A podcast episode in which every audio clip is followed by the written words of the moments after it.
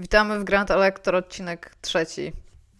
Ponieważ nagrywamy po raz kolejny, bo nigdy nie umiemy zacząć i dokończyć Tak. raz. Tak, tak. Mm, tak to, Więc to jest tak dru- było. drugie podejście do trzeciego odcinka, który miał się ukazać miesiąc temu. Wszystko się zgadza. Dokładnie Dzień tak dobry. właściwie było. Dzień dobry. E, Z tej strony Iga Wesmoleńska, halo, halo. Mielu. To znaczy Michał Mielcarek. Tak, dzień dobry. znaczy reprezentuje swoje opinie i ty też. Ja tak, subiektywne. Super. Tak, dobra, mamy Jedź- to za sobą. z tym. Tak, mamy to za sobą po raz kolejny. Jezu, Dobra, nowo- no, nowo- O czym rozmawiamy dzisiaj? Słuchaj, Mielu, dzisiaj będziemy rozmawiać na bardzo ciekawy temat. No, tak tak Wow. ciekawy temat, wiele młodzieży na jego temat rozmawia. Pojawia się po prostu wszędzie, wiesz, jak nie weźmiesz gazety, jak się nie obejrzysz, to tam jest, nie? Jest tam fitness, zdrowe odżywianie, zdro, zdrowe odżywianie oraz, oraz. Mhm. projektowanie gier oparte na referencjach, znane powszechnie w literaturze, której jest bardzo mało na ten temat, czyli reference-based game design. Będziemy o tym rozmawiać, e, więc Mhm. taki będzie temat tego odcinka. Nie wiem, trochę. trochę... Czemu wybrałaś taki temat? To ty wybrałaś, tak zdradzę zakulisową, że to już trzeci temat, który robimy i wybrałaś, ponieważ ja jestem leniwy. Tak, bo to jest, to jest pierwszy punkt. Drugi punkt jest taki, że e, jest to, jest to temat, o którym opłaca się rozmawiać, a mam wrażenie, że nikt na jego temat nie rozmawia. Jest to przyjęte z całym. Nie wiem, jak nawet mam to powiedzieć. Wszyscy uznają to za normę. Czy to jest normą, Mhm. to to jest inna kwestia, czy to powinno być normą. A pojawiają się jakby rzeczy z zewsząd, które bardzo często są doceniane, które jakby trochę mu zaprzeczają.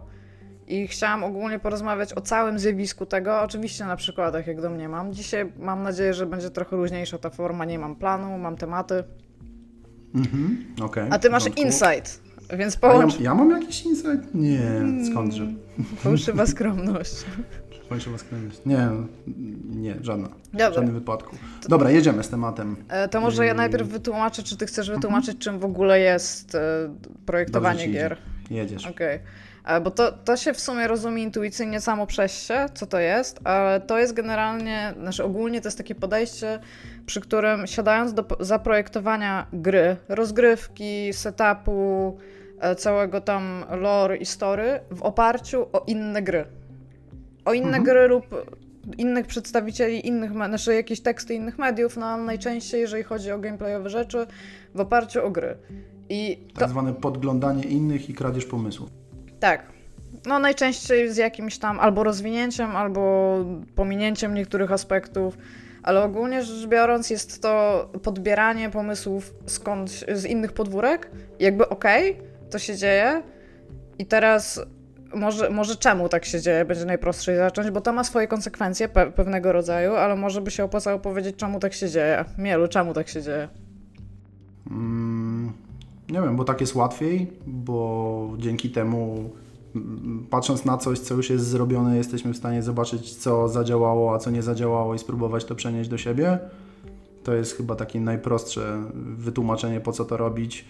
E, Znaczy to działa w, na różnych płaszczyznach, bo to może działać na płaszczyźnie biznesowej, patrzymy co się sprzedało, więc spróbujemy robić to samo. To może działać na płaszczyźnie czysto designerskiej, tak jak mówisz. Nie? Czyli jak oni, jacyś oni, jakaś inna firma, jak oni to zrobili, że w ich grze pewne rozwiązania działają i, i, się pod, i dana gra się podoba graczom, tak?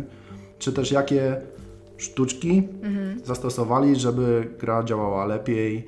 Yy, No po prostu podglądanie tego, co robią inni, na tym, żeby, no, żeby nie wymyślać koła od nowa.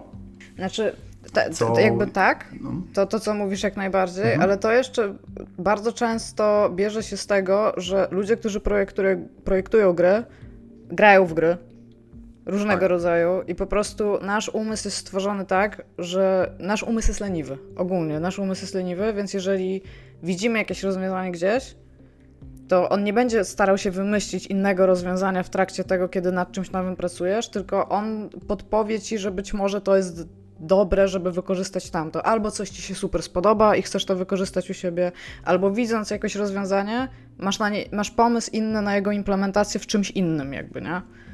Mhm. No ma to sens. I jakby to wszystko, jak na razie, jak sobie o tym mówimy, to brzmi tak bardzo pozytywnie. Tak. Nie? Natomiast właśnie. A to nie zawsze jest pozytywne. No nie, nie. Szczególnie, znaczy, bo jakby głównym minusem, zaraz będziemy mówić o minusach i plusach, myślę, ale głównym Jasne. minusem tego jest e, najczęściej jakby takim, który, jeżeli ktoś o tym rozmawia, to najczęściej na to od razu wpada, to jest zahamowanie innowacji. Bo jeżeli wszyscy będziemy korzystać tylko i wyłącznie z tego, co już istnieje, no to nie będziemy. A, to, no to nie będziemy wprowadzać innowacji. Jeszcze jeden punkt do tego wcześniej, bo mi się teraz przypomniało. E, to się bierze również stąd, że gry są robione dla graczy, a jak gracz już potrafi strzelać i wie, że ma pociągnąć za ten spust na padzie, żeby do kogoś strzelić, no to nie będziemy wymyślać koła na nowo. Jest już repertuar gracza, wykorzystajmy go, nie uczmy go na nowo czynności, które już zostały w jakiś sposób stworzone, nie? Dokładnie. Tak. Dokładnie, dokładnie o to chodzi. I no wiesz, no przez lata widać ewolucję pewnych gatunków i doszliśmy do miejsca, w którym trochę ciężko, albo ciężko coś wymyślić, albo jest już tak, pewne rzeczy, pewne rzeczy są już tak ustalone, że nie ma chęci zmiany. Tak na przykład jest chyba najprościej popatrzeć na FPS-y i to FPS-y konsolowe. Tak? Przez lata szukane było, w jaki sposób te gry powinny działać, jak, y, głównie mówię o sterowaniu, mm. tak, jak powinno, jakie powinno być obłożenie pada, no a teraz jakby jest to na tyle yy, uniwersalne, że jak się okazuje druga część Deus Exa, no to masz, wiesz, wy, możesz wybrać sobie sterowanie FPS-owe, po prostu, tak no. tak szeroko pojęte, tak? I od razu wiesz, z czym to się je, tak? Nie musisz się tego uczyć, tak jak nie wiem, w przypadku pierwszej części, gdzie no tam to nie było takie dość oczywiste, tak? I trzeba było się przyzwyczaić do tego, jak te przyciski są zmapowane. Natomiast bierzesz, bierzesz dwójkę i już masz, już masz konkretnie, wiesz, wiesz jak się w to gra. Nie? No i podejrzewam, że to samo będzie e, w Cyberpunku, no bo nie spodziewam się, żeby nagle próbowali wymyślać coś totalnie nowego.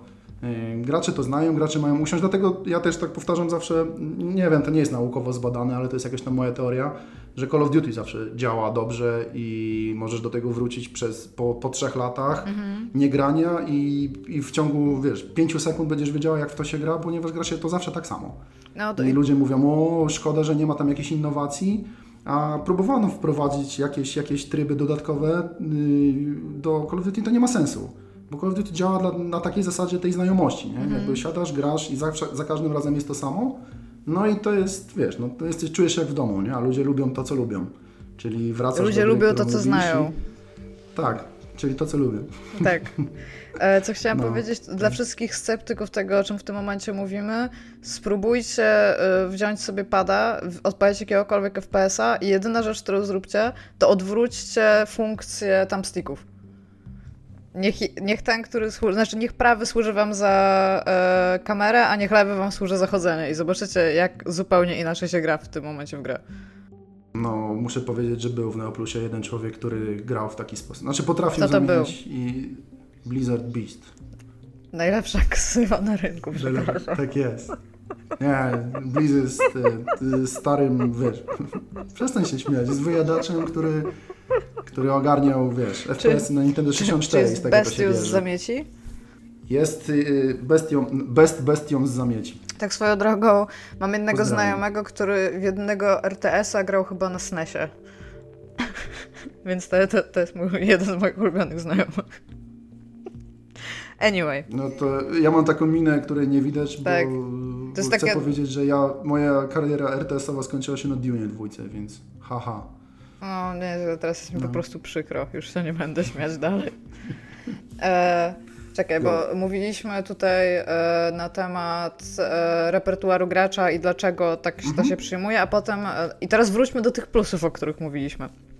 E, jakby.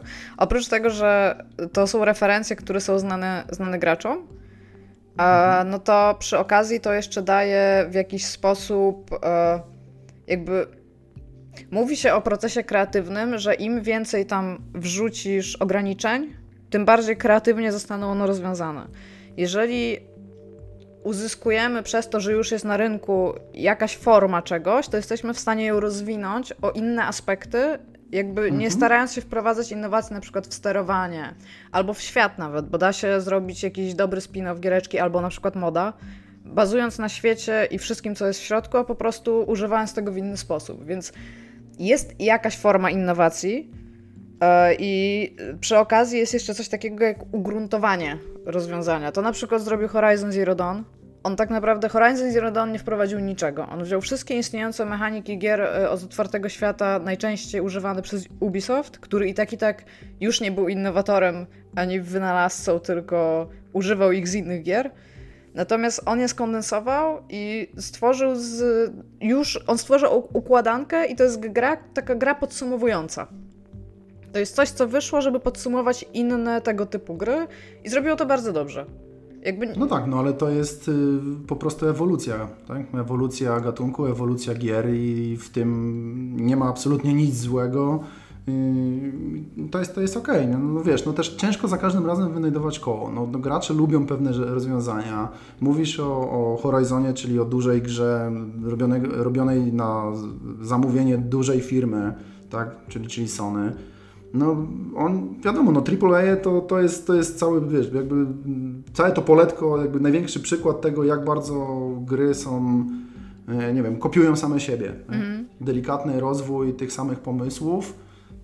Nie wiem, no niektórzy mówią, że to jest stagnacja rynku, dla mnie to jest po prostu zwykły rozwój, no ale też bezpieczeństwo dla, tak bezpieczne zagrywki ze strony dużych firm, no bo wiadomo, że to są miliony grube wpompowane w produkcję, tak? Więc mamy jakąś tam formę Y, ewolucji, tak? Mhm. Chyba najłatwiej tak to powiedzieć. Nie jest to, nie jest to szukanie nowych rozwiązań i, i po prostu dajemy graczom to, czego oczekują. Tak. E, I tak, teraz może... Taki Horizon później powstaje jest super nudną grą, no, którą się, ok, fajnie gra, wszystko tam działa, tylko no, jeszcze, gra, jeszcze zagramy w 100 takich gier i graliśmy już w 200 wcześniej, więc no to co kto lubi. No taki popcorniak po prostu. Tak. Do blockbuster. I teraz, teraz to, co ty powiedziałeś, to są właśnie główne minusy, bo oprócz tego, że e, to jakby w cudzysłowie zabija innowacje, czyli nie będziemy wymyślać niczego nowego, ponieważ wiemy, gdzie jest bezpiecznie, jaki jest bezpieczny obszar tego, żeby wydać na przykład w tym momencie grę jako firma, E, jesteśmy w stanie to zrobić, wiemy jak to dobrze zrobić, mamy pomysły, które już działają, więc jakby zbierzmy te wszystkie pomysły i zróbmy nowego takiego Frankensteina, że wszystko, tam, tam są różne elementy różnych gier, ale to wszystko akurat ze sobą tam współgra, nic ze sobą nie stoi w kontraście, więc czemu czego, czegoś takiego nie zrobić? No i właśnie powstaje taki Horizon.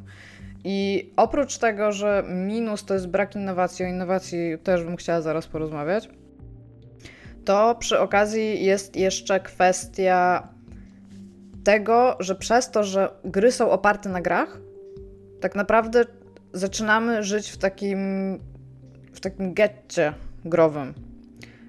Gry są tworzone przez graczy dla graczy, a ludzie, którzy nie, jakby nie wskoczyli na ten wagon dostatecznie szybko, to ten pociąg już uciekł, już go w ogóle nie ma i jest bardzo trudno im wejść dopiero co. I pomimo tego, że są tutoriale, to dla nich to nie jest w jakikolwiek sposób przyjemne. Tak, pełna, pełna zgoda. Natomiast wiesz, działa zawsze to, że jest nas tak dużo, czyli ludzi robiących gry, mhm. że zawsze pojawi się jednak ktoś, kto. No i tutaj w, ogóle cała ta indycza rewolucja jest, jest fan, nie? Jakby to, co się wydarzyło, chociaż indyki też zjadają własny ogon. Ale wiesz, pojawia się gra typu Herstory i nagle wszyscy są, wiesz, wow, mm. można zrobić coś tak innego. I, no i później masz gry typu Florence, typu Journey, typu Card właśnie Herstory. Tak, Art Life, który się okazuje, że jednak można, coś jeszcze w tych grach jeszcze można... Papers, Please. Mm, papers, Please. Ale wiesz co, jakby y, dzisiaj też jakąś taką rozmowę wewnętrznie sobie prowadziliśmy w firmie y, na temat Myślałem, że w głowie te... miałeś wewnętrzną rozmowę. Tak, tak, rozmawiamy ze swoimi, tak, ja ze swoimi małymi mielami w bani, których mam, y, na temat tego, jak rynek jest bardzo podzielony. Tak jak bardzo jest y, podzielony na to, że jest rynek tych, tych dużych wydawców, duży, platform holderów, może, mhm. o, może bardziej tak. I rynek tej całej reszty. Czyli dzierżycieli platform. Bardzo... Jak się Ojej, mówi po polsku. Platform, tak? tak, coś w tym stylu. Okej. Okay. Tak, dbamy o język polski, not. I, no to fajnie, dzięki. Dzięki za wybicie. Przepraszam, z... że rynek jest podzielony ze względu na dzierżycieli Nie. platform. I... Tak. Kurczę, no zobacz. Dobrze. Wystarczyło, że to powiedziałaś i mi myśl uciekła. Czekaj, czekaj, czekaj, czekaj, czekaj. Myślę, myślę, myślę. No zgubiłem się. No, przepraszam. O. Nie wymyślisz? Dobra, wr Dobra, wrócimy do tego. Dobrze, bo chciałam powiedzieć, że jeszcze Nie, bo o, oprócz, bo myślę, oprócz myślę, myślę. Ty, ty myśl, Myślę. a ja będę mówić Cały coś. myślę. Dobrze, ja będę mówić No. coś innego. Oprócz tego, że ci ludzie, którzy, którym się nie udało wskoczyć jakby na ten wagon i ten pociąg dawno odjechał, to przy okazji. Mam. Dobrze. Przemyśliłem. Pamiętam. No mów. go. Nie, chodzi mi o to, że rozmawialiśmy o tym, że platform holderzy nie patrzą, jakby ten rynek platform holderów i AAA-ów i tak dalej nie patrzy na to, co się dzieje gdzie indziej i nie korzysta z tego, co jest oczywistą bzdurą jednak, ponieważ pojawia się gra typu opcji izolacja, nazwany Bardzo dobra po gra. polsku, który pokazuje, że ktoś jednak zauważył, czy też w ogóle Resident Evil 7, tak, który poka- te gry pokazują, Bardzo dobra że gra również. ktoś, bardzo dobra, że ktoś zauważył jednak to, co się działo z horrorami, e, z walking simami tak zwanymi, bo ktoś jest niemiły i tak je nazywa, że, że horrory poszły w tę stronę i można coś z nimi zrobić. Tak? Czyli wzięli tę formułę, mm, wiesz, pro, prosi przyszli, zabrali formułę od wesołych indyków i zrobili to po, tak, jak należy. nie?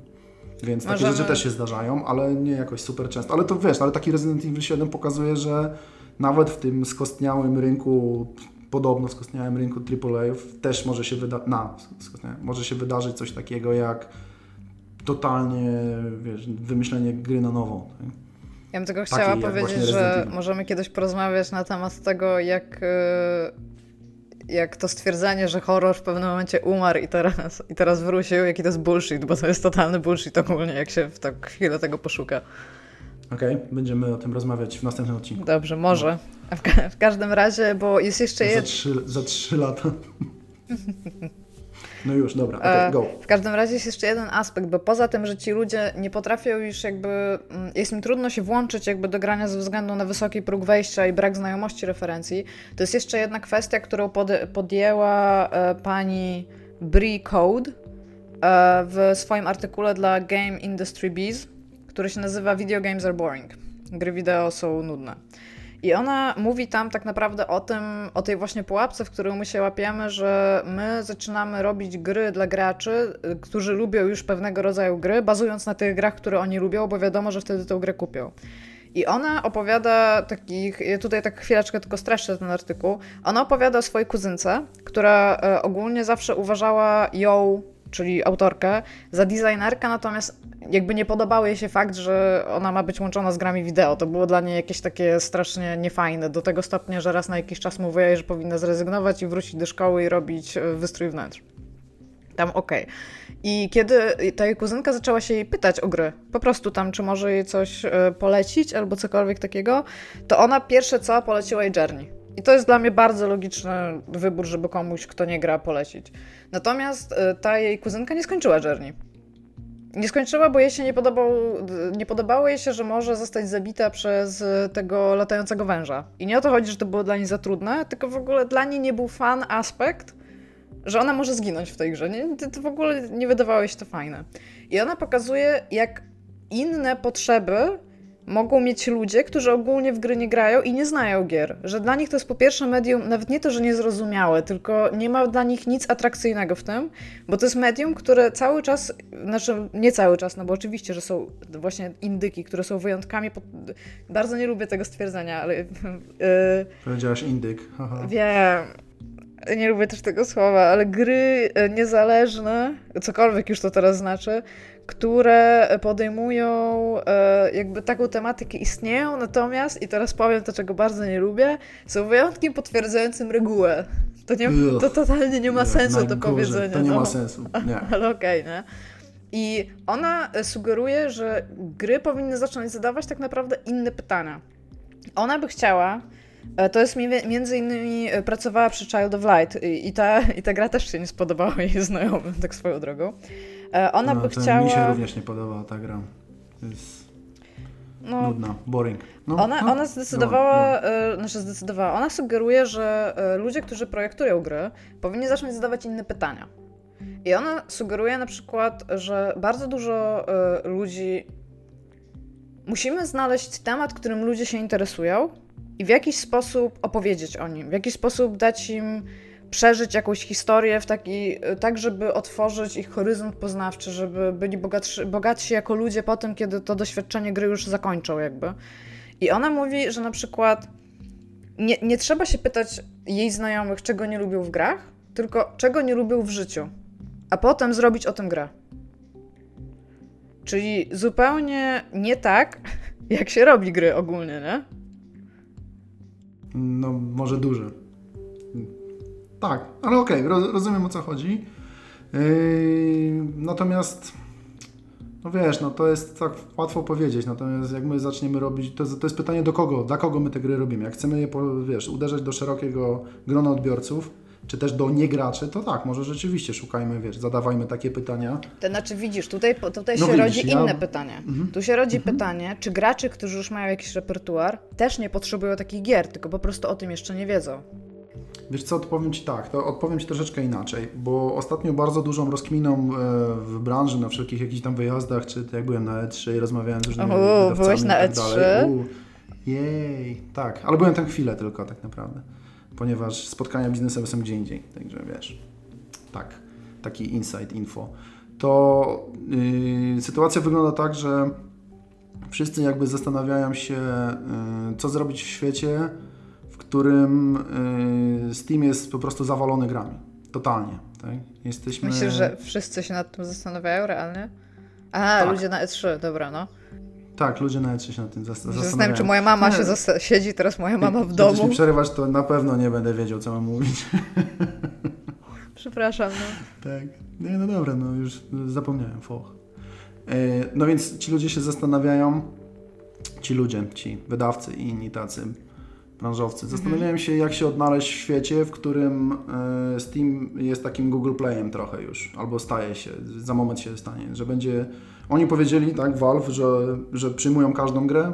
E, teraz każdy może sobie wydać grę i chyba, że jest tam jakaś obraźliwa zawartość, tak? Coś jest, jakieś treści takie, które są nieodpowiednie, nie wiem dla kogo. Dla kogoś, dla kogo Steam twierdzi, że są nieodpowiednie. A cała reszta spoko, może, może być wydana, co oznacza, że będzie jeszcze więcej gier i będzie jeszcze bardziej zawalone. I jest to problem z widocznością, natomiast jest to problem z widocznością dla deweloperów i dla yy, wydawców. Generalnie takie jest, tak, wiesz, po tych wszystkich rozmowach jest jakiś taki wniosek, że gracze nie mają problemu z widocznością gier. Oni po prostu widzą jakieś gry i w nie grają. Tak? To nie jest tak, że oni nie wiedzą, że są tam jakieś perełki, które, które ich omijają nie mają o tym zielonego pojęcia. Oni po prostu mają dostęp do pewnej puli gier i z tej puli gier wybierają nie? i są zadowoleni, bo i tak nie mają wystarczająco czasu ani kasy, żeby zagrać we wszystko. Nie ma takiej możliwości. Ale kupują i nie grają. No, no kupują i nie grają, ale wiele z nich yy, po prostu, wiesz, jest, tak Piotrek Gnyb zrobił świetny pomysł, Pozdra znaczy świetny podział. Yy, pozdrawiamy, tak, świetny podział gier. Nie na to, czy są gry dobre i niedobre, tylko na gry, które, o których wiesz, że istnieją i że nie wiesz, Zna, że istnieją. Znam ten podział, to jest bardzo tych, błyskotliwe. Tych, tych, co nie wiesz, że istnieją jest więcej i najważniejsze dla dewa i wydawcy jest to, żeby przeskoczyć z nimi do tej grupki, od której ludzie wiedzą, że istnieją a potem się dopiero okazuje, czy gra jest dobra, czy niedobra. Tak? Mhm. Bo możemy mieć kupę świetnych gier, o których nie mamy zielonego pojęcia i nigdy nie, nie zagramy i co z tego, tak? Może ktoś tam gdzieś właśnie rewoluc rewolucjonizuje, yy, wiesz, game design, czy, czy inne aspekty game devu i co z tego, skoro nikt o tym nie wie. No i właśnie tutaj Więc... dochodzimy do takiego, Więc... do mhm. takiego tak zwanego middle ground, nie wiem jak to powiedzieć po polsku, takiego yy, krainy kompromisu. Śródziemia. tak, dochodzimy do Śródziemia. E, tego problemu, czyli, czyli można na przykład brać jakąś e, mhm. innowację i zakorzenia, taki szalony pomysł, brać coś, coś super nowego i już nie, nie mówię o samej tematyce, ale o jakiejś mechanice, bo mechanika opowiada o czymś dużo lepiej przez fakt interaktywności niż bierne odbieranie tej samej prawdy przez y, literaturę na przykład albo film, albo nawet i sztukę teatralną, chociaż teatr szanuję, ale ogólnie nie tak, że nie szanuję literatury i kinematografii, no, ale w każdym razie zapomniałam, co chciałam powiedzieć, bo... Tak, tak. A, wiem, wiem, wiem, wiem, wiem, e, że jak masz już cały game design, tak, i to jest game design bazowany na referencji, to możesz, i to jest taki szalony pomysł, żebym chciała, żeby teraz wszyscy twórcy gier wyciągnęli sobie notesik i go sobie zapisali. Można tam dać cztery nowe rzeczy na 65 tych, które się już zna. Ja już nie mówię tutaj o takich triczkach małych, tylko niech to będzie super znaczące. Niech to nie będzie wyznacznik serii, niech to będzie drugorzędne, ale niech to będzie coś, co zakorzeni w ogóle pomysł, że można troszeczkę inaczej coś zrobić. To by było super, nie? Myślę, że, myślę, że najlepszym przykładem na to jest Super Hot. Super. E, Hot. Dlatego super hot, że tak naprawdę ta mechanika je, była znana, znaczy znana, była wykorzystana w innej grze. Jest taka mała webowa gra o kocie, który próbuje przejść przez skrzyżowanie i tam się pojawia coraz więcej ludzi. Nie, nie pamiętam, czy on ma myszy tam łapać, czy, czy po prostu ma unikać tych ludzi, ale ludzi jest coraz więcej i oczywiście oni się poruszają tylko wtedy, kiedy kot się porusza. Tak? I to stanowi jakąś tam inspirację dla chłopaków, przynajmniej tak mówili. I, i wiesz, i to, jest, to też jest oczywiście jakaś forma mm, zapożyczenia pomysłu, czy, czy to właściwie to, o czym my mówimy, tak? Oni się zainspirowali inną grą, tylko że przenieśli to, ok, spróbujmy zobaczyć, jak to będzie działać w FPS-ie. Więc yy, spróbowali, no i, no i kto się dzisiaj kąpie w hajsie? No, także to był dobry pomysł, Nie to był ja. dobry strzał, ale no, no właśnie, nie ty. Co? Okej, to było ładne, przyznam ci to, Mielu. Masz, masz punkcik. Gwiazdkę ci zaraz nakroję złotą. Yes. A, no i tak, no i oni sobie to, to zrobili po swojemu i to u nich zadziałało, więc jest ogólnie, znaczy mam wrażenie, że, że pomysłów było już bardzo, bardzo dużo i prawdopodobnie większość gdzieś już została przetestowana, ale my też tego nie wiemy. Nie, nie, sposób siedzieć na jakich, jakichś itch.io i innych rzeczach i wiesz, i próbować wyciągnąć pomysły z najmniejszych gier e, przeglądarkowych. Nie? Ja, Ale- ja ale często one tam siedzę są i tam się inspiruję, bo na Itch.io jest ogólnie... To, to jest taka... Dla mnie to jest ta nadzieja gier, która kiedyś się umiały indyki. Indie, produkcje indie. Ja się na ciebie patrzę i myślę indyk.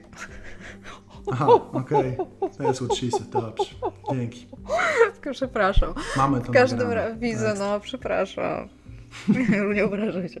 E, w każdym razie to, to jest ta jakby, to jest ta nowa, Zamarzło. to jest ta nowa nadzieja, która przyszła po produkcjach indie, bo tam są bardzo małe giereczki z bardzo jednym, najczęściej jednym albo dwoma pomysłami, które są po prostu takie doszlifowane, takie, że to jest mój pomysł, to jest moja gra na 10 minut na temat tego pomysłu i to jest koncept, który ja w jakiś sposób przedstawiam albo w postaci prototypu do szerszego rozwinięcia, albo po prostu jako skończone coś, co stworzyłem. Nie uwierzysz, ile razy to się pojawia w rozmowach u, in, u indyków, skoro już tak mówimy.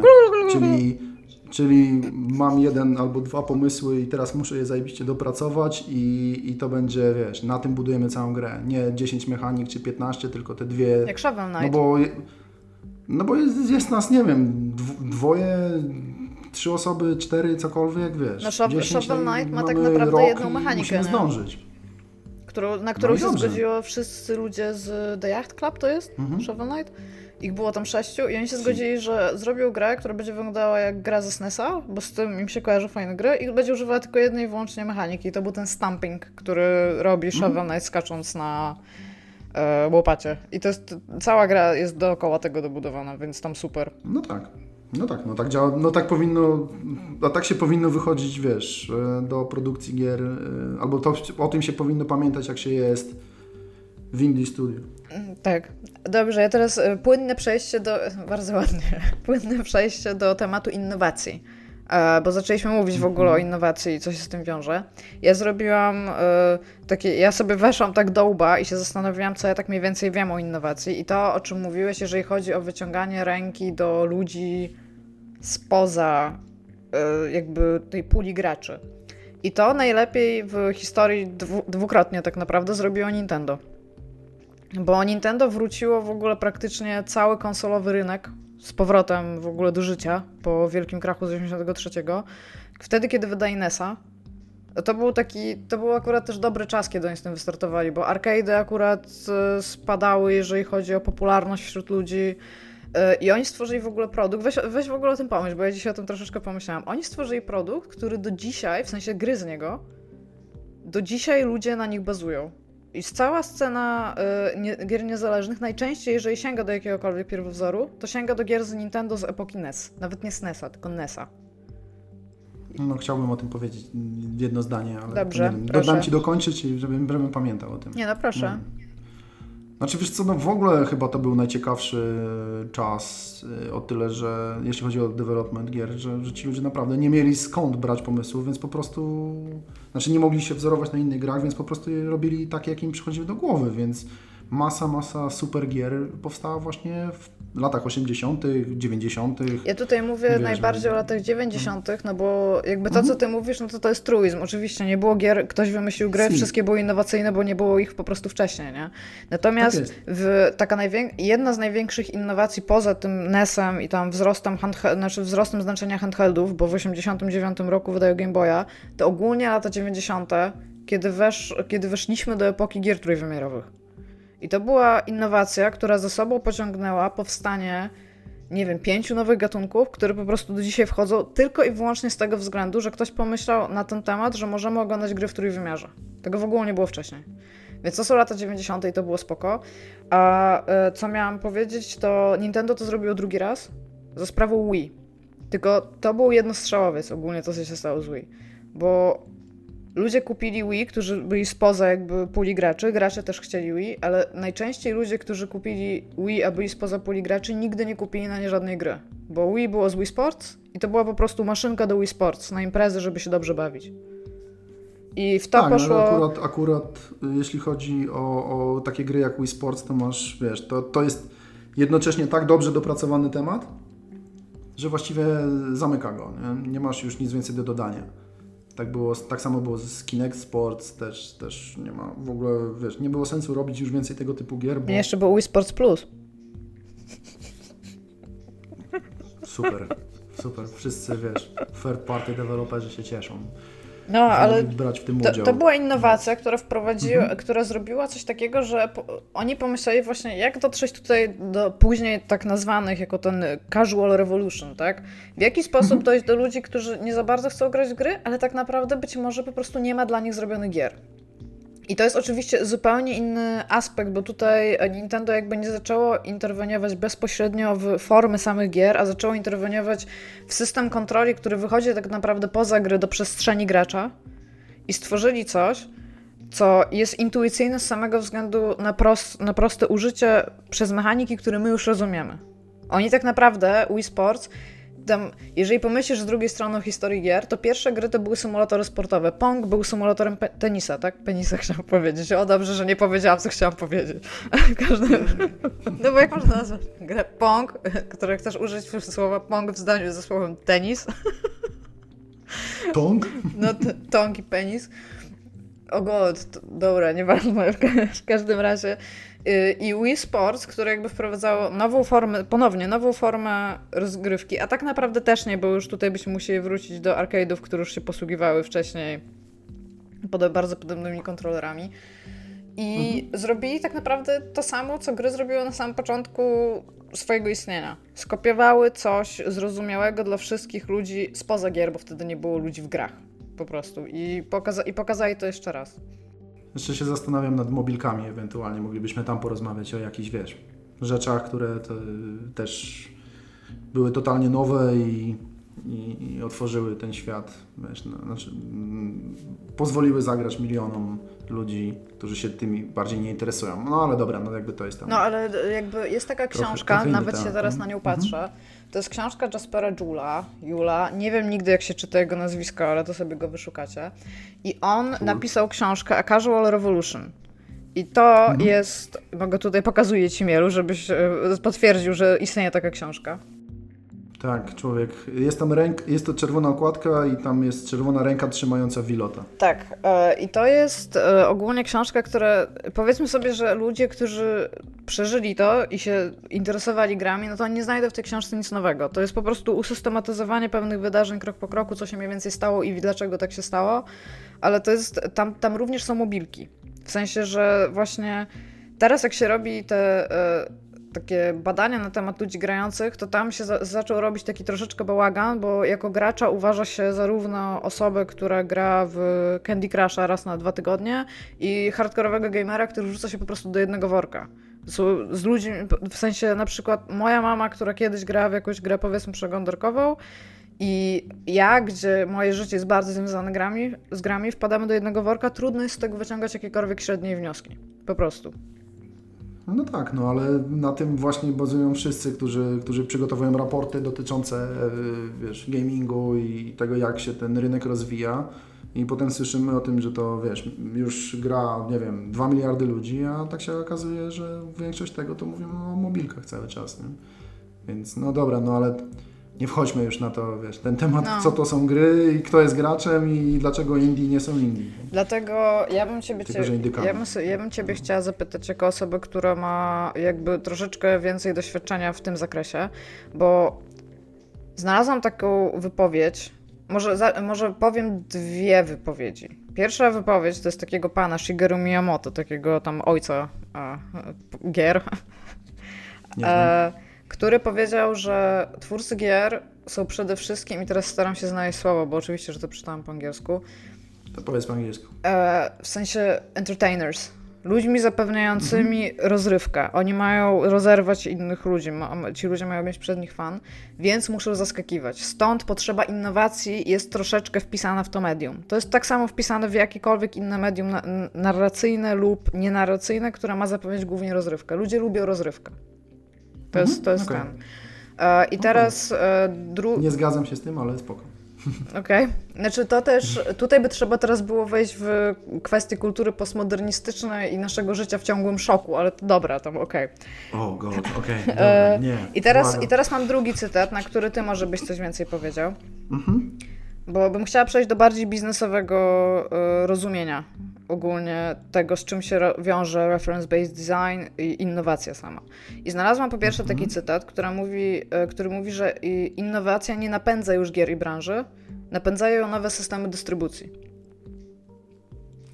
I to jest kwestia cyf- Okej. cyfrowej dystrybucji, ale też dystrybucji teraz tej nowej, którą się wprowadza, która się spopularyzowała, czyli dystrybucji przez płatność miesięczną, subskrypcji do dystrybucji oraz e, dystrybucji tej monopolistycznej, nie wiem, monopolowej. E, tej, którą w każdym razie chodzi mi tutaj o to, że na Xboxie będzie sprzedawać gry Microsoft, a na e, PlayStation będzie sprzedawało gry Sony, a na tam e-shopie, tak, nintendowskim, staram się znaleźć słowo, Mhm. Mhm. łapę trzyma na tym Nintendo. Już nie mówię o Valve i Steamie, nie? No tak, no ale to y, jakby, ojej, to jest strasznie dużo tematów, no bo jakby każdy chciałby mieć swój własny internet, nie? Każdy chciałby mieć swój zamknięty ekosystem, w którym ludzie będą siedzieć, więc no, możesz też powiedzieć, że nie wiem, no taki Orange, wiesz, tworzy, tworzy swój ekosystem i masz tam, masz telefon i możesz mieć też kablówkę, internet i wiesz, i sieć, i jeszcze ubezpieczenie może sobie kup, nie? Wiesz, jakby Nie, ale chodzi mi, chodzi mi Wiesz, no ale oczywiste jest, że, że to samo będzie się działo, wiesz, no, no na konsolach i no spoko. Ale no, wiesz, jesteśmy w jakby To jest epoce- normalne, nie? że wszyscy chcą mieć właśnie użytkownika u siebie, nie? Jesteśmy w epoce, gdzie w Fortnite'a Mhm. to jest jedna gra z jednym designem. Jesteś w stanie zagrać zarówno na komórce, jak na Xboxie, jak na Switchu. No i na Mhm. PlayStation też możesz zagrać, ale sam. No dobrze, ale to jest y, troszeczkę inny temat y, z mojej perspektywy, bo taki Fortnite to jest, wiesz, o, to jest gra, która odniosła wielki sukces, więc ci duzi chcą się do niego przytulić. Mhm. Tak, chcą skorzystać i na pewno nie powiedzą, nie, u nas się nie da grać w Fortnite'a, bo to dla nich będzie głupie po prostu, będą tracić pieniądze, nie? Więc to też to jest troszeczkę inny temat. Jeżeli je- coś gdzieś odnosi sukces, to na pewno takie Sony, Microsoft i tak dalej będą chcieli się po prostu do tego podpiąć, nie? Co jest, jest do, do, dość zrozumiałe. Natomiast jeśli chodzi o to, co Ty mówisz o, o tych, tych nowych systemach dystrybucji i tak dalej, no wiesz, to się akurat fajnie wpisuje w to, co my robimy, bo my tak mi się przynajmniej wydaje, bo my jako firma podpisaliśmy się właśnie z Microsoftem nie? Y, parę, parę dni temu, czy tam tygodni temu, na to, żeby zrobić grę ekskluzywnie, czy tam na wyłączność, tak? Na, na wyłączność dla ich nowej platformy streamingowej, nowej, dość, dość nowej, platformy streamingowej Mixer. I to jest gra, która będzie działać wyłącznie na mikserze. Tak? Czyli, czyli jak sobie wejdziesz, jak się zalogujesz na mikser obojętnie, czy, czy z telefonu, czy, czy z Xboxa, czy PC-ta i, i, i odpalisz tego streama, to będziesz mogła, będziesz mogła grać. Ale I, czy czynicie jest- jakieś decyzje projektowe względem tej gry, które biorą no nie, no pod uwagę? oczywiście, o, oczywiście, no to jest zupełnie, wiesz, to jest gra stworzona z myślą o tym, jak wykorzystać y, możliwości tej platformy, no i to jest taka gra, której nie da się przenieść na, tak jeden do jednego na coś innego i, I to jest, wiesz co, to jest akurat, no, tak się zastanawiam, czy, czy wiesz, czy, czy dystrybucja w, sprawia, że ludzie, wiesz, rozwijają gry, tak, wymyślają coś nowego, czy, czy ludzie, nie wiem, czy, czy ludzie też nie szukają po prostu e, jakiejś ucieczki od tego, może jedno i drugie, od Steama na przykład, nie? Tak, mm -hmm. tak jak gdzieś tam wspomniałem wcześniej.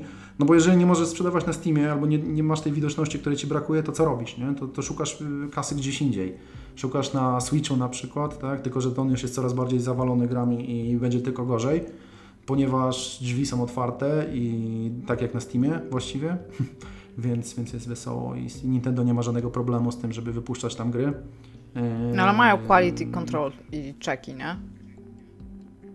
Yy, masz generalnie jak się z nimi podpiszesz na, na wydawanie gry, to możesz wydawać co chcesz. Oni oczywiście ją, w nią grają.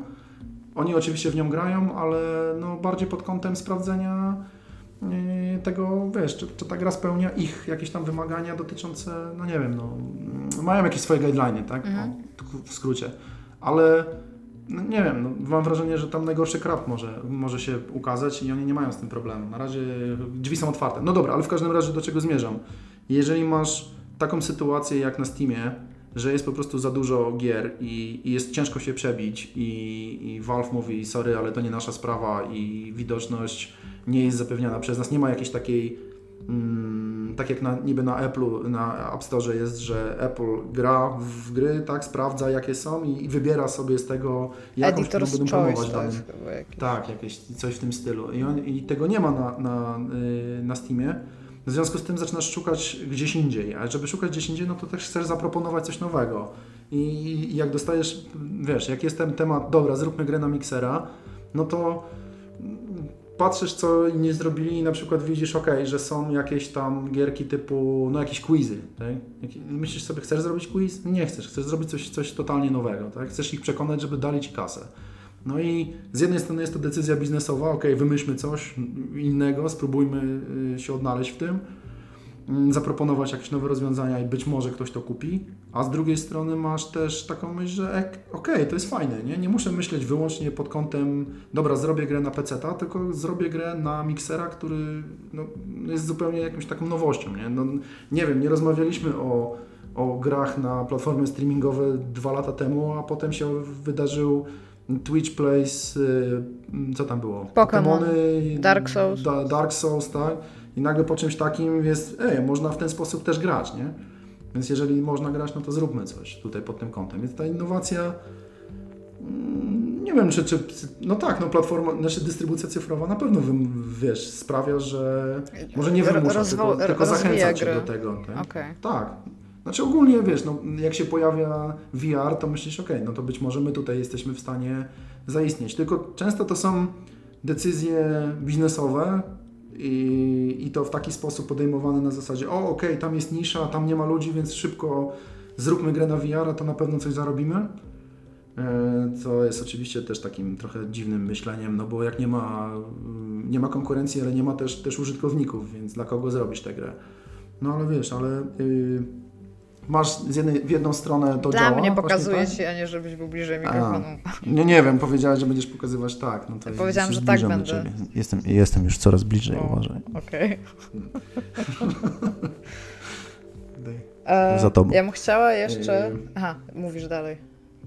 Nie wiem, czy mówię. Mam wrażenie, że trochę mówię to w kółko. No w każdym razie yy, akurat to, że się zmienia sytuacja znaczy na rynku, tak, mm. że jest, jest teraz ciężko ze Steamem, że się pojawiają y, rzeczy typu Mixer, czy, czy nawet Game Pass, czy cokolwiek w tym stylu, to sprawia, że wiesz, że ludzie zaczynają myśleć, ok, co możemy zrobić i to też jest fajne nie tylko pod kątem biznesowym, ale też designerskim. To jest super, bo możesz wymyślić, ok, coś totalnie nowego, albo niekoniecznie nowego, nowego, wiesz, tak ogólnie w całej tym, tej nie wiem, historii gier, to już mamy ze 40 lat spokojnie możemy liczyć, tak? Yy, ale możesz wziąć jakiś stary pomysł i Od, od momentu popularyzacji mamy nawet 47, bym powiedziała, prawie 50. No to całkiem nieźle. To, no to fajnie, że wciąż pojawiają się zupełnie nowe rzeczy, wiesz. No, z, z mojej perspektywy, my też do tego dorastaliśmy, może tak, może to jak, jak tak, sorry, że tak ciągle o, o mojej yy, Nie no, proszę, proszę. Teamie, ale wiesz, yy, to nie jest jakaś reklama, tylko, tylko wiesz, jakieś tam przemyślenia były takie, że na początku było ok, róbmy gry, tak? chcemy robić gry i jak inni je robią i czy my możemy się nauczyć, czy my też możemy umieć tak jak inni. A potem było ok, ale trzeba je też sprzedawać i jak mamy się wyróżnić, więc było zróbmy coś trochę inaczej. A teraz jest raczej takie myślenie, yy, dobra, wymyślmy przede wszystkim, jaką byśmy chcieli zrobić grę, na jaką platformę, co możemy z tej platformy wyciągnąć, co chcemy przekazać tą grą i zróbmy, i zróbmy to, przy czym jednocześnie y, jest, oczywiście musi w parze iść y, jakaś, jakaś taka analiza finansowa. Tak? I to jest, to jest też coś, o czym powinniśmy rozmawiać, wiesz, w kontekście tego, jak się tworzy gry, patrząc na to, jak się inne sprzedają. Tak? I właśnie tutaj chciałam się Ciebie zapytać, bo hmm. rozmawialiśmy jakiś czas temu, nawet dzisiaj, e, na temat e, tego, jak Steam Spy przestał działać i teraz Valve mhm. ma dawać dostęp do bardzo, bardzo podobnych danych. Tak, i, i ja powiedziałem, że to dobrze i niedobrze. Tak, i czy byś mógł rozwinąć, czemu to jest dobrze i niedobrze? Mm. W sensie dobrze. dla twórcy gry, bo... Dobrze i niedobrze. No. Znaczy, no wiesz, my jesteśmy gdzieś tam, też patrzę na to, że, że dla mnie to, to jest... My jesteśmy jakąś tam spółką publiczną, tak? Niestety, i, albo stety, zależy. I wszelkie tego typu informacje, które się pojawiają, sprawiają, że ktoś do nas przychodzi i mówi: OK, zobaczcie, tutaj ktoś inny zrobił grę, która sprzedała się w takiej liczbie egzemplarzy i powinniście robić takie rzeczy. Tak? Tutaj mam dowód twardy, albo bardzo blisko prawdy jesteśmy tutaj w tym momencie, że że gry sprzedają się, nie wiem, symulatory kozy na przykład. Wy powinniście robić symulatory, tak? Albo symulator niszczenia domu. Dlaczego nie robicie tego typu gier? Dlaczego robicie e, to, co robicie, tak? Więc, więc są, są na przykład takie rzeczy, które są moim zdaniem nie, nie za dobre.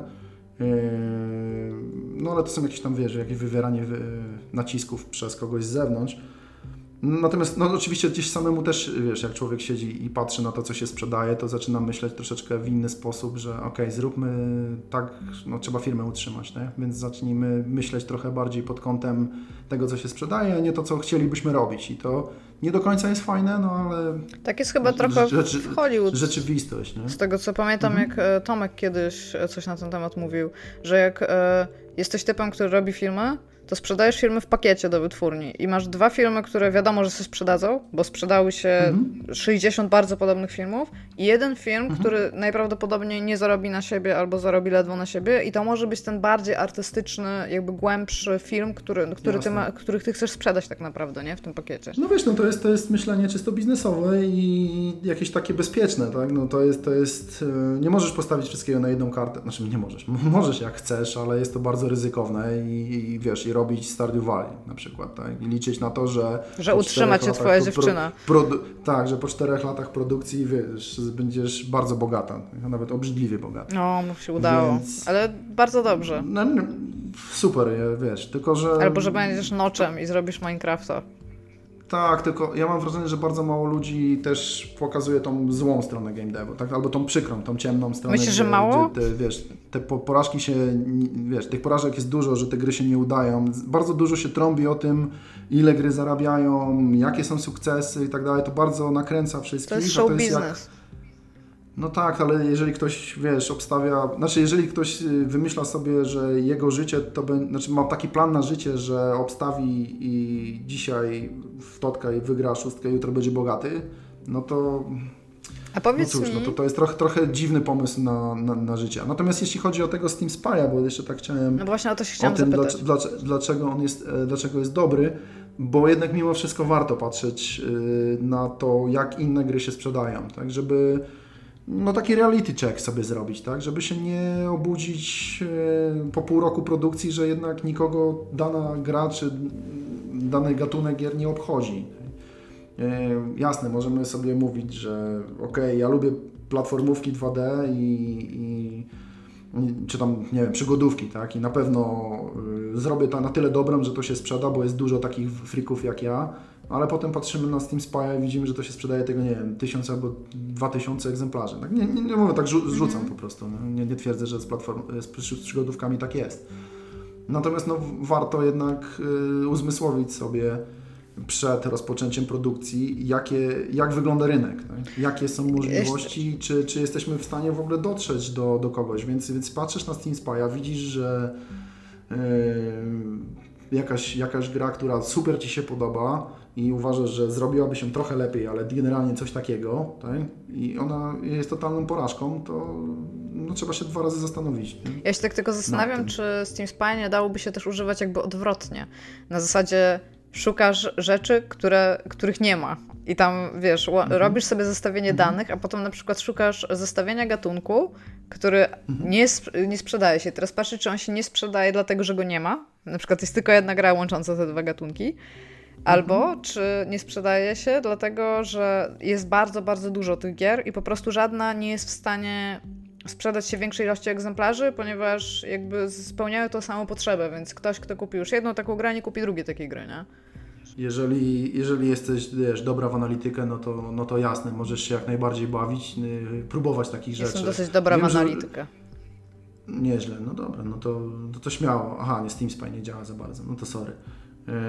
Yy... Zapłacę Valve, zostanę deweloperem, będę mieć dane. Nieźle. Nie. Nie za bardzo. No wiem.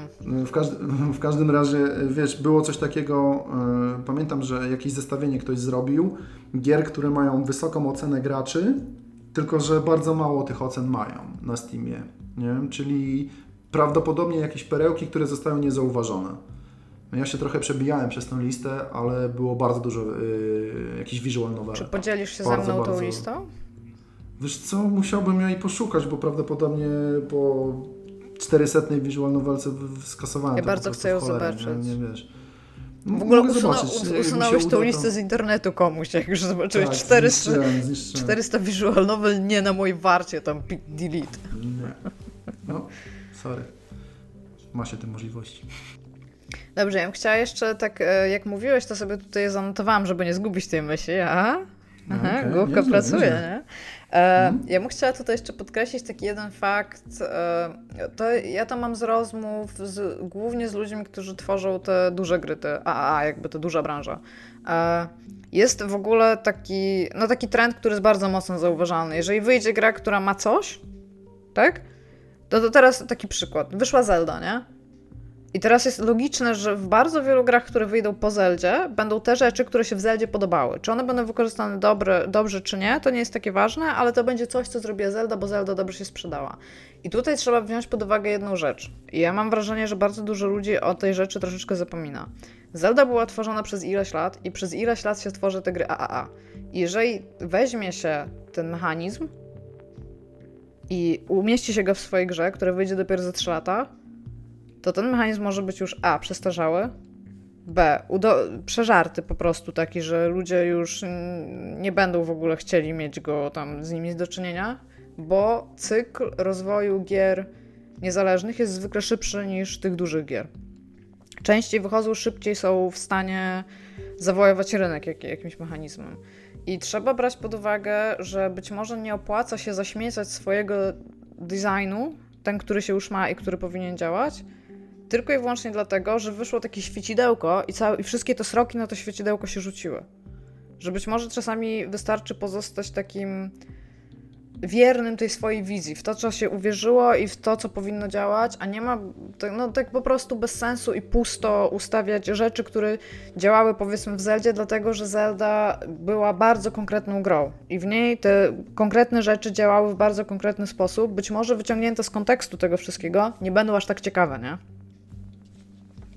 Tutaj podałam Zelda akurat, no bo tam Chciałem skojarzyło mi się. powiedzieć, że ciężko, ciężko coś dodać do tego, bo, bo, bo tak. No ale tak jest i mam wrażenie, że mało ludzi na to tak, zwraca tak uwagę. tak jest, no ale, ale to jest, wiesz co, to jest y, kwestia doświadczenia.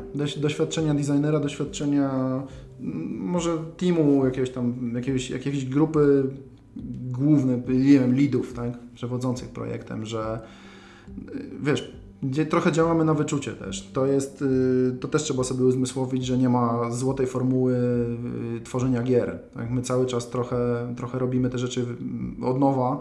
Oczywiście tam jakieś większe te gry, nie wiem, no te AAA-owe, wiadomo, one, on, po to się gra bezpiecznie, tak, jeśli chodzi o wydawców, Po to to robią bezpiecznie, bo znają temat, bo wiedzą jak zrobić grę, jak wiedzą jak do, dowieść ją od początku do końca. A potem się pojawia temat, e, robimy nowego God of War'a i robimy go 5 lat i do samego końca nie wiemy, czy, czy to będzie działać, czy nie. E, Jak oglądałem ten, e, jakiś tam mm, film, jakiś, jakąś rozmowę z Corym Barlogiem, który jest reżyserem tej gry, to on opowiadał właśnie o tym, że, że po, po skończeniu pra, prac nad tą grą, Mhm. jak ona już wyszła, miał, y, miał taką, taką sytuację, że podszedł do niego jakiś człowiek, który pracował przy nim, prawdopodobnie gdzieś przy grafice, y, wiesz, może robił jakieś modele, nie miał okazji pograć w całość.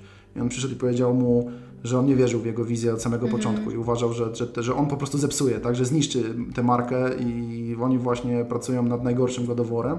Się okazało, że zrobili super rzecz, nie? ale to było bardzo ryzykowne i wiesz, ludzie w to nie wierzyli. Nie? To, to musi być fajnie pracować z ludźmi, którzy pracują pomimo tego, że nie wierzą w projekt. Tam, Jesus Christ. no, ale jak ty no się wiesz, no męczysz, jest, ale, ale jest, weź pomyśl, jak ty się jest trudne. męczysz. Już Wiesz, no, to jest trudne przekonać kogoś do swojej wizji i, i no ale sorry, no, jeśli on ma takie możliwości, jeśli za- zajmuje takie stanowisko, no to no cóż, jeśli ktoś nie chce pracować, to może odejść, no, ale ludzie pracują i Bardzo lubię, Czasem- czasem bardzo wierzą. lubię ogólnie to stwierdzenie, że jeżeli ci się coś nie podoba, to po prostu możesz odejść, bo tak działa ogólnie Nie, no ja świat. bardzo polecam. Nie, no bardzo polecam. No, no wiesz co, daj spokój. W- przynajmniej w Polsce rynek pracownika jest taki, że jak coś się komuś nie podoba, to może spokojnie odchodzić i jak masz doświadczenie, to będziesz No dobrze, ale zdajesz sobie sprawę z faktu, że możesz też coś zmienić. Mm, możesz próbować coś zmienić. Dobrze, to ja jeszcze Zależy na ile masz sił, tak? To jest, O- no, ale okej, ogólnie tak. mam kilka do ciebie pytań. Tak, bo Czekaj, bo ja tak, tak, tak się zastanawiałem jeszcze, y, jak zaczęłaś o tym mówić. Y, oczywiście sousy mi gdzieś tam przyszły do głowy. Jest, to, są, to są dwa tematy. Jeden temat jest taki, że y, myślę o tym, jak cała ta historia, wiesz, produkcji gier y, we FromSoft sprawiła, oni tak naprawdę, taki Miyazaki, jak przyszedł tam pracować, oczywiście on najpierw robił Armored Core'a, no ale potem jak dostał, dostał y, szansę robienia Demon Souls, to on tak naprawdę zrobił dwie rzeczy. Jedna rzecz to była, wiesz, wymyślił jakieś swoje tematy, tak? Jakieś, jakoś ubrał to wszystko po swojemu. Natomiast druga rzecz była taka, że on wziął, y, popatrzył na to, co oni robili do tej pory. Oni mają 30 lat historii, jeśli nie więcej, może 35 teraz, nie wiem, już tam strzelam, y, produkcji gier. I, I jak popatrzysz na te gry, to, to, to widać, że jest taka konsekwencja w ich tworzeniu, nie? że pewne tematy się powtarzają. Możesz, możesz wziąć grę z, nie wiem, z 2002 roku, jest jakaś taka na, na GameCube'a, która jak y, pięć takich, takich unique selling pointów z niej, jakby, jakbym Ci przeczytał, to byś powiedziała, o, to jest Demon Souls, nie?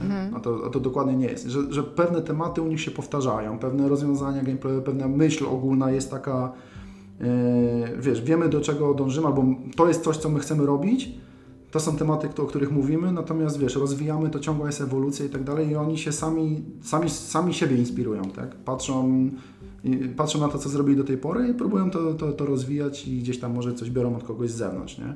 I w końcu po tylu, tylu latach siadło, tak?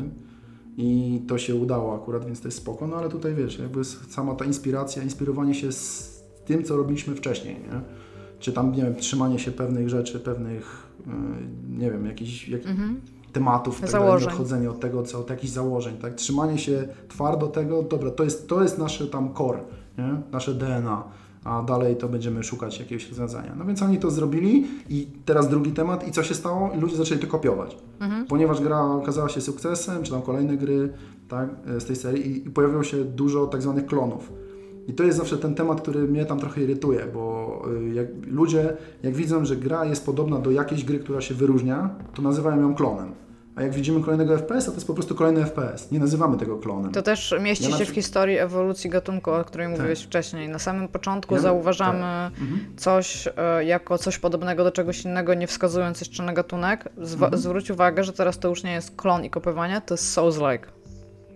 Tak, tak, to jest, to jest inne. I, tak, tak, zdecydowanie to się zgadza. Nie? Tylko, że po prostu zawsze pierwsza czy druga gra podobna do czegoś, co odniosło sukces, będzie, no, będzie nazywana klonem i będzie to, nie wiem, bezczelnym kopiowaniem, czego kompletnie nie rozumiem, no bo to jest normalne.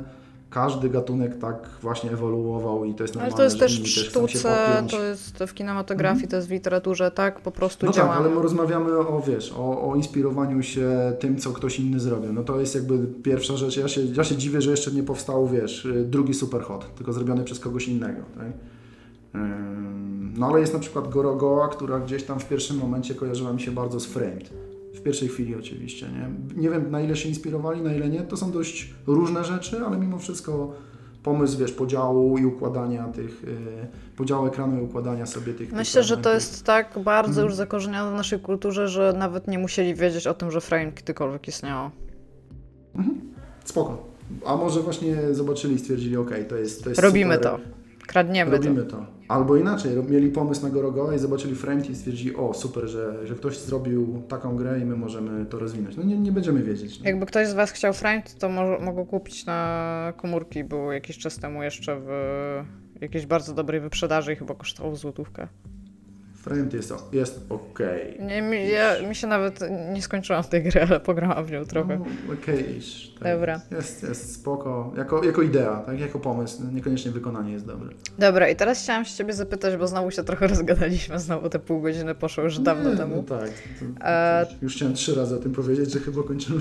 E, Ale mam do Ciebie takie Go. pytanie, bo zakładając, że to jest jednak postmodernizm i każde medium spełnia te same potrzeby, nie? Czy jest jakaś taka e, brak, taka nisza, którą widzisz, że nie jest zapełniona, ale może opłacałoby się ją w jakiś sposób zapełnić i jakbyś to tak, nie, może masz na to jakiś pomysł albo jakąś sugestię i ja, ja mam takie, Pytanie za milion dolarów. Nie? nie, nie, nie, ale chodzi, chodzi więcej. mi, na przykład, ja ci mogę powiedzieć, o czym ja pomyślałam, nie? To jest coś, co się Dajesz, bardzo no. często pojawia w niezasypialnych. Dla mnie na przykład bardzo niereprezentowalne w medium gier są musicale. I ja, Wow. I ja bym bardzo chciała mieć musical w, jaki, w jakiś taki sposób logicznie używający formy, że tak powiem, musicalowej. Ja już nie mówię tutaj o tej powszechnej, dużej strukturze, która reprezentuje musical, jeżeli chodzi o kontrasty ideowe, bo tak naprawdę taką samą ideę reprezentują fabularne filmy pornograficzne, bo jak się to e, analizuje, to tak naprawdę to jest, e, to, jest bardzo, bardzo, bardzo podobnie się to ogólnie robi. Ale tak się zastanawiam, w jaki sposób, żeby to było takie głębokie, z wykorzystaniem bardzo świadomie e, zasad tego medium i cech charakterystycznych, oddać musical w medium gier, nie? I bardzo bym chciała, żeby Cage robił musicale. To by było takie super. Facepalm. To, to by było takie super miłe, bo to jest like, to on, on idealnie pasuje do tego, żeby zrobić musical. Ale Kojima bardzo bym grała w Kojimowy. No i oczywiście y, tam, Drugi facepalm. I oczywiście bardzo No, chętnie, jeszcze, jeszcze kogoś wymyślisz na pewno. Jeszcze. nie, ale no mam, mam potrzeby, żeby takie coś powstawało, nie? W sensie widzę, że to jest nisza niereprezentowana.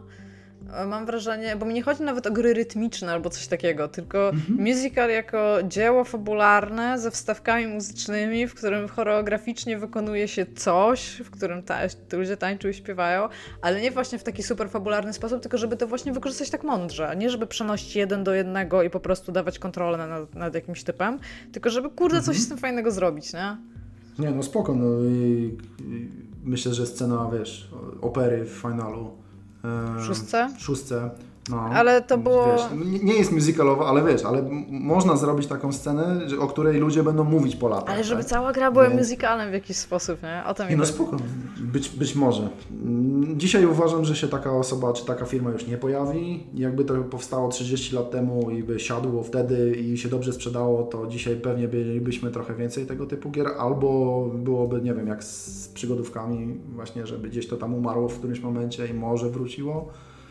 Nikt dzisiaj tego nie zrobi raczej, nikt nie zaryzykuje, chyba że Chyba, że właśnie dwójka studentów będzie siedzieć gdzieś w jakiejś piwnicy i powie, nie no, kurczę, musimy zrobić coś, wiesz, jakąś niszę sobie znaleźć, nie? Bo Mm. myślałam trochę o kiczu i kampie, nie? Mhm. Ale, ale wiesz, jest tam, jest ten, y, jak się nazywa, y, jest Suda, jest Swery, jest Kojima, Kojima robi kamp. To, co on robi, to jest świadomie kampowe w ogóle tam treści, które wprowadza i forma. Jakby tam spoko, a, a musical, jak, jak właśnie o tym myślałam, to musicalu w ogóle, kurde, nie, nie znalazłam. A jeszcze taki musical, ale na lodzie. Okej, okay, dobra. Eee, specjalnie dla ciebie zrobimy taką grę. Nie ma problemu. Tak, dobrze, ale. tak, ale zobaczymy, czy się sprzeda. Masz jakiś pomysł w ogóle coś takiego? W sensie, będziesz, żeby będziesz. Możesz być twarzą tej gry, jak chcesz. Bardzo chcę. Ludzie chcą oglądać mury i przez 6 godzin na ekranie, bo myślę, że tyle powinien trwać ogólnie. Nie, będzie się promować. No. No, aha, w ten sposób. przekonywać świat, będziesz przekonywać świat, że to jest dobry A pomysł. czy mogę być na konferencji Ubisoftu? Bo nie, ja na, nie widzę, Możesz być na E3. nie tak. widzę innego sposobu, gdzie można by było tą grę sprzedać. No może jeszcze Nintendo. No może, ale to by musiała być Super Smash Bros. Ale dobra, Ubisoft, Ubisoft tak, załatwia temat. No. Mhm. Nie, ja nie widzę. Jak będę, jak będę miał taki pomysł, to będę bogaty. Dobrze, a teraz mi powiedz jeszcze. Nie, no bo wiesz, to, że ja na przykład mówię, że nie, nie są reprezentowane musicale w grach, no to to jest jedna sprawa. Czy one by się sprzedały, to jest druga sprawa, nie? Mhm. Bo musimy pamiętać, że gry to jest produkt i oprócz tego, że może to być jakieś dzieło, no to jeżeli tworzymy grę na rynek komercyjny, a nie do muzeum, bo też są takie, jest taka odmiana gier, no to niestety no, trzeba zrobić to w taki sposób, żeby, żeby, żeby się sprzedały. E, i jeszcze tak się zastanawiałam w kontekście tego artykułu, o którym wcześniej mówiłam, gdzie e, sugestia była taka, żeby pytać się ludziom, co się nie podoba im w życiu, a potem robić gry, żeby z tym problemem jakoś pomagały sobie poradzić. Ej, w Sailor's Dream jest sporo piosenek. Tak, ale to Tak, nie jest musical. No wiem, ale tak szukam gdzieś, gdzie śpiewają i jest to fajne. A spędziłeś cały tydzień, żeby znaleźć wszystkie butelki? Aha. Mhm, Nie. Nie, nie spędziłem. Przesuwałem, przesuwałem, przesuwałem. Na YouTubie przesłuchałeś. Nie przesłuchałem na YouTubie, tylko przez, przestawiałem e, kalendarz. Tak? Przestawiałem Ja cię kalendarze, hakowałeś godziny czas, godziny. jak Dominik Gąska. No totalnie, tak. No i czy masz jakieś takie pytania, e, które na przykład mogłyby zadawać gry i na nie odpowiadać?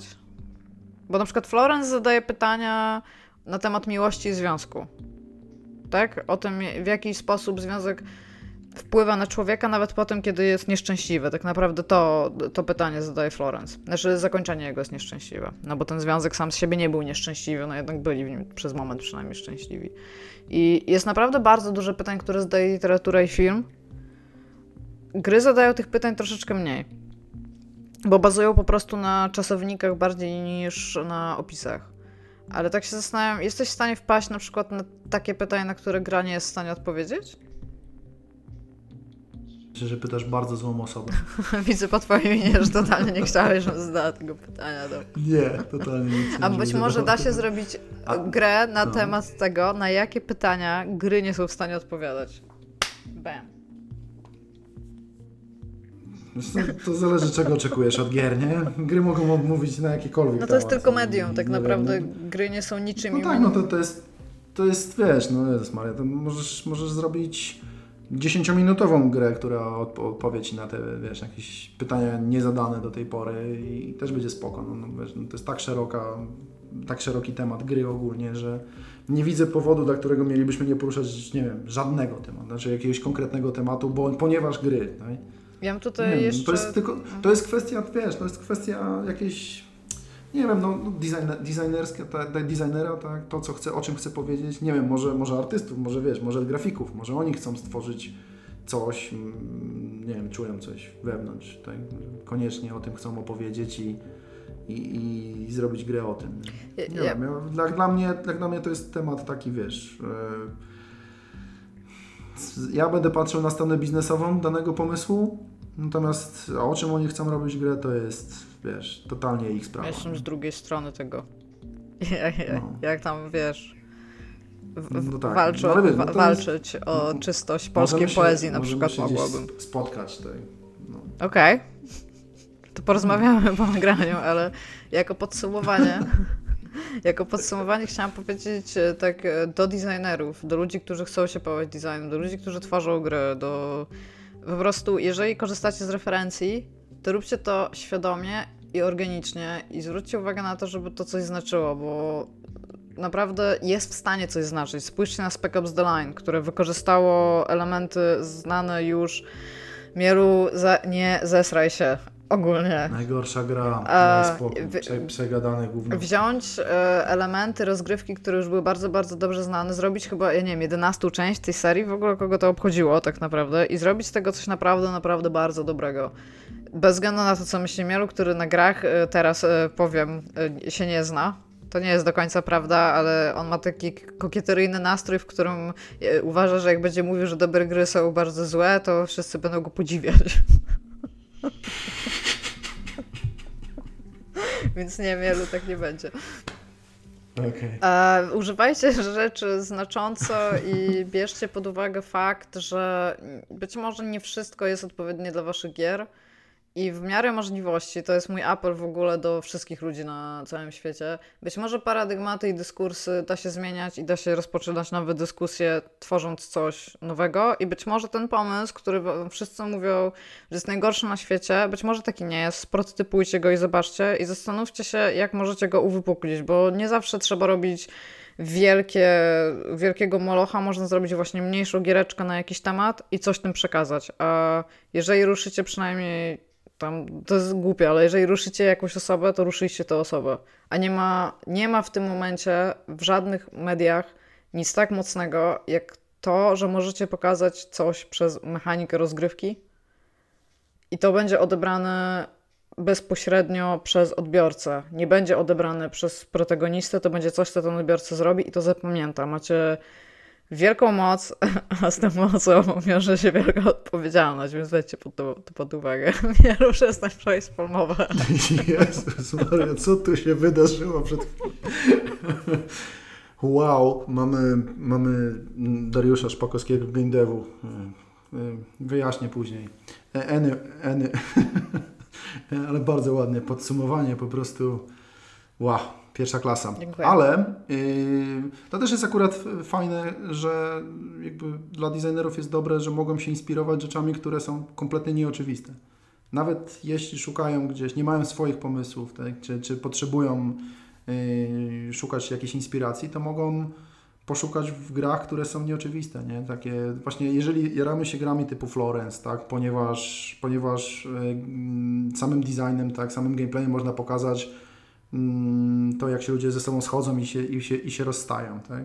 Jeśli, yy, wiesz, mamy herstory, które, które, no tak jak mówię, to są zawsze gry, do których się wraca, herstory, Florence, tak, Journey, jakby to pokazujemy, że, że gry nie muszą być, nie musimy myśleć zawsze w kategoriach o zróbmy MMO, zróbmy RPG, zróbmy FPS-a, jakby zróbmy coś innego, tak, jakby designerzy mogą, mogą i powinni nawet, no zresztą nawet głupie Overcooked, tak, to jest, który jest wiesz, Overcooked kapitalną Nie grą. jest głupie. No, więc y, głupie Overcooked, y, y, wiesz, który ka- pokazuje, jak kapitalnie, wiesz, można wykorzystać, wiesz, zrobić koopa w bardzo prosty sposób, mm, tematem, w temacie, który jest oczywisty dla ludzi. Bo to też jest, to jest też trochę coś takiego, co, co design, to jest taka To jest fajne, bo mieliśmy kończyć, że, że oni, ale mielu w tym Tak. samym czasie. nie, no przy, przypomniało mi się, tak, że designerzy lubią, lubią odjechać i wiesz, szukać dziwnych, dziwnych tematów, yy, a nie wiem, taka gra jak Overcooked może być się bardzo trudno skopiować z tego powodu, że ona działa, ponieważ jest o gotowaniu. A gotowanie jest super oczywiste, tak? Wiadomo, że trzeba pokroić tam, nie wiem, Wiadomo, że trzeba wsadzić tak? trzy cebule Wrzucić- do garnka i wsadzić to na gaz, żeby była cebulowa, no come on. No, no właśnie, i potem trzeba to wydać i, i umyć naczynia, tak? A jak powiesz, ok, to zróbmy, weźmy tę mechanikę i niech to będzie gra o sadzeniu kwiatków. No to już może być trochę trudniej, tak? Bo nie każdy kuma ten temat. Więc Dobrze. to też jest dość. Ja bym no, tylko dobra, jeszcze już, chciała ojej, powiedzieć. Odpłynąłem, co? Tak, ja bym jeszcze tylko chciała powiedzieć a propos tego, co powiedział e, Mielu. Jeżeli e, chcecie zobaczyć bardzo znaczący gameplay, prosty, znaczący gameplay, to odpalcie sobie Florence na Androida lub iOS-a. I teraz e, mi ostatnio udostępniał treści e, z App Store'a, ponieważ ja, ja nie mam iOS-a tutaj w tym momencie ze sobą, e, odnośnie Florence gdzie wytłumaczone były decyzje designerskie i dlaczego nie użyto innych. I to jest bardzo fajna Znaczy, w lektura na bardzo, bardzo przykładzie. dużym skrócie, ale, No tak. ale tak, ale. Jest to coś, na co tam- opłaca się rzucić okiem. Tak jest. No dobrze, to tyle, tak? Chcesz się pożegnać? No to w sumie nie wiem, czy to kopiowanie innych to jest dobre, czy teraz nie No, dobre. bo zależy. Tworzenie gier przez. To zależy, tak? To do tego to mieliśmy tym rozpocząć. jakby. Ja bym to powiedział na samym początku, to byłby koniec generalnie. I byśmy oszczędzili ludziom godzinę, pół godziny. Dobrze, Tak, tak? no to możemy, możemy zakończyć. Tak, to co, kiedy się widzimy No znowu? czekaj, musimy skończyć nagranie. Nie, ale ja właśnie chcę, żeby ludzie wiedzieli. Aha, kiedyś- Jakaś deklaracja. E, najprawdopodobniej na Game Dev Evening. Aha. A jak nie to? A jak nie, to pewnie przysz... nie w tym tygodniu po nim, tylko w kolejnym. No nie, bo ja mam urlop. Nie, ty masz w tym tygodniu po nim urlop. Tak. No to w kolejnym. Kolejnym, kolejnym. Dobra. Pod koniec miesiąca, pod koniec lipca, czyli jakoś w sierpniu byśmy się zobaczyli z ludkami. Tak, Z jakimś super tematem, który znowu wymyślisz. ty wymyślisz tym razem temat. Dobra, Boże. Pa, pa. Dziękujemy bardzo. Pa.